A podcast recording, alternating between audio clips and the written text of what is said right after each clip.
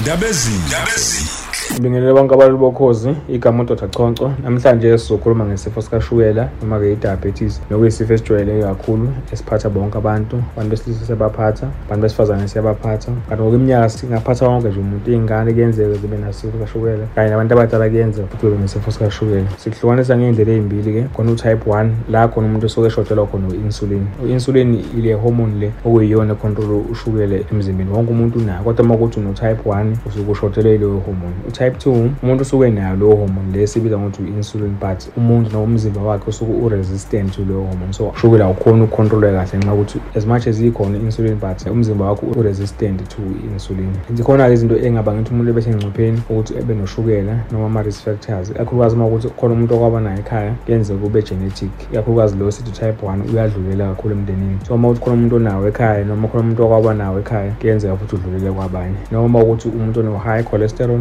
noma amafutha amaningi emzimbeni noma umuntu onomzimba lento sithi obesity noma umuntu onezinye izifo mhlawumbe nje ukuthi une-high high noma i-b p nakho ukuhamba kwesikhathi kuyenzeka futhi ugcine ube umuntu onoshukela. Iy'mpawu ujwayele ukuyiveza ngazo isikhathi esiningi kuyenzeka umuntu edle kakhulu noma umuntu ephuze kakhulu amanzi noma oma kakhulu noma echame kaningi. Kwesinye isikhathi kuyenzeka futhi ube nezinye iy'mpawu mhlawumbe uqhamuka umuntu mhlawumbe sekuthi akabuyise noma ecanzelwa ngenhliziyo noma ebuyisa noma kube buhlungu isisu la ushukela uma usuke usuphezulu khona kakhulu. Kuyenzeka futhi uluze i-weight. Kwesinye isikhathi kuyenzeka-ke ushukela utholakala usutholakala nje. Ungabe nazo iy'mpawu. Uma mhlawumbe ubuyele for ezinye izinto esibhedlela noma for any check up ushukela wakho uhlezi utholakala uphezulu agcine usumqaliswa amaphilisi. So indlela umuntu akalapheka ngayo noma akatreatwa ngayo kuya ngokuthi-ke u-type ba uma ukuthi u-type one njengoba bengishilo ukuthi ila usuke ushotelwa khona u-insulin so kubalulekile ukuthi umuntu enikezwe u-insulin khona uzokwazi ukuthi ukhontroleke ushukela wakhe u-insulin ufika ine-form of umjovo. So isikhathi esiningi labantu abasuke besebenzisa imijovo abantu abasuke beno-type one. Kanti uma ukuthi uno-type two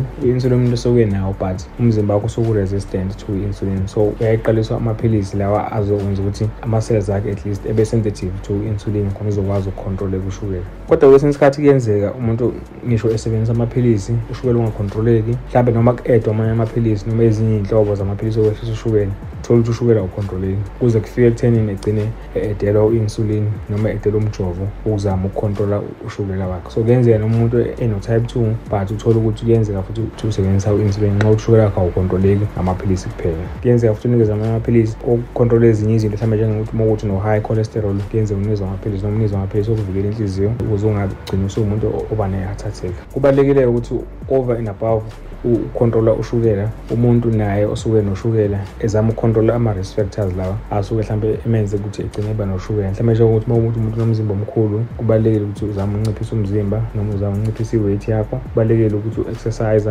noma ukuyivocavoca ngoba kwesinye isikhathi kuyenzeka ushukela ukuthi awukhontroleki. Kanti uma uthi uyabheka ama-risk factors still asakhona lezi zinto lezi umuntu eyimenza ukuthi egcine eze ebe noshukela. Kanye ne-diet. So kubalulekile ukuthi nawe uzame ukushintsha ukudla okudlayo ikakhulukazi uma ukuthi umuntu usandatholakala ukuthi unoshukela siyayithi imreview kwi-dietitian ezomchazela ukuthi yiziphi izinto kumele zidle yiziphi izinto okumele eyi-avoide ngoba kwesinye isikhathi kuyenzeka ukuthi ukudla okudlayo nakho kunezinto nazo okuyizona ey'nyusa ushukela so kubalulekile ukuthi ekugwema lokudla lokhu okwenza ukuthi ushukela ube high over and above lokho kubalulekile ukuthi uma ngabe usuqalile i-treatment kashukela uwasebenzisa amaphilisi akho nsuku zonke ngoba ushukela u-dangerous kakhulu uma ukuthi awukhontroleki. Kanti uma ukuthi amaphilisi uwasebenzisa kahle ushukela wakho uhlezi ukhontrolekile uma uhlezi uphansi awubi nankinga but inkinga iqala kakhulu uma ngabe ushukela wakho kuba ukuthi awukhontroleki gcina suba nama-complications amaningi. Yabonga ndabezini ndabezini njalo ngesonto. Kusukela ngo-12 kuya ku-3 ekuseni.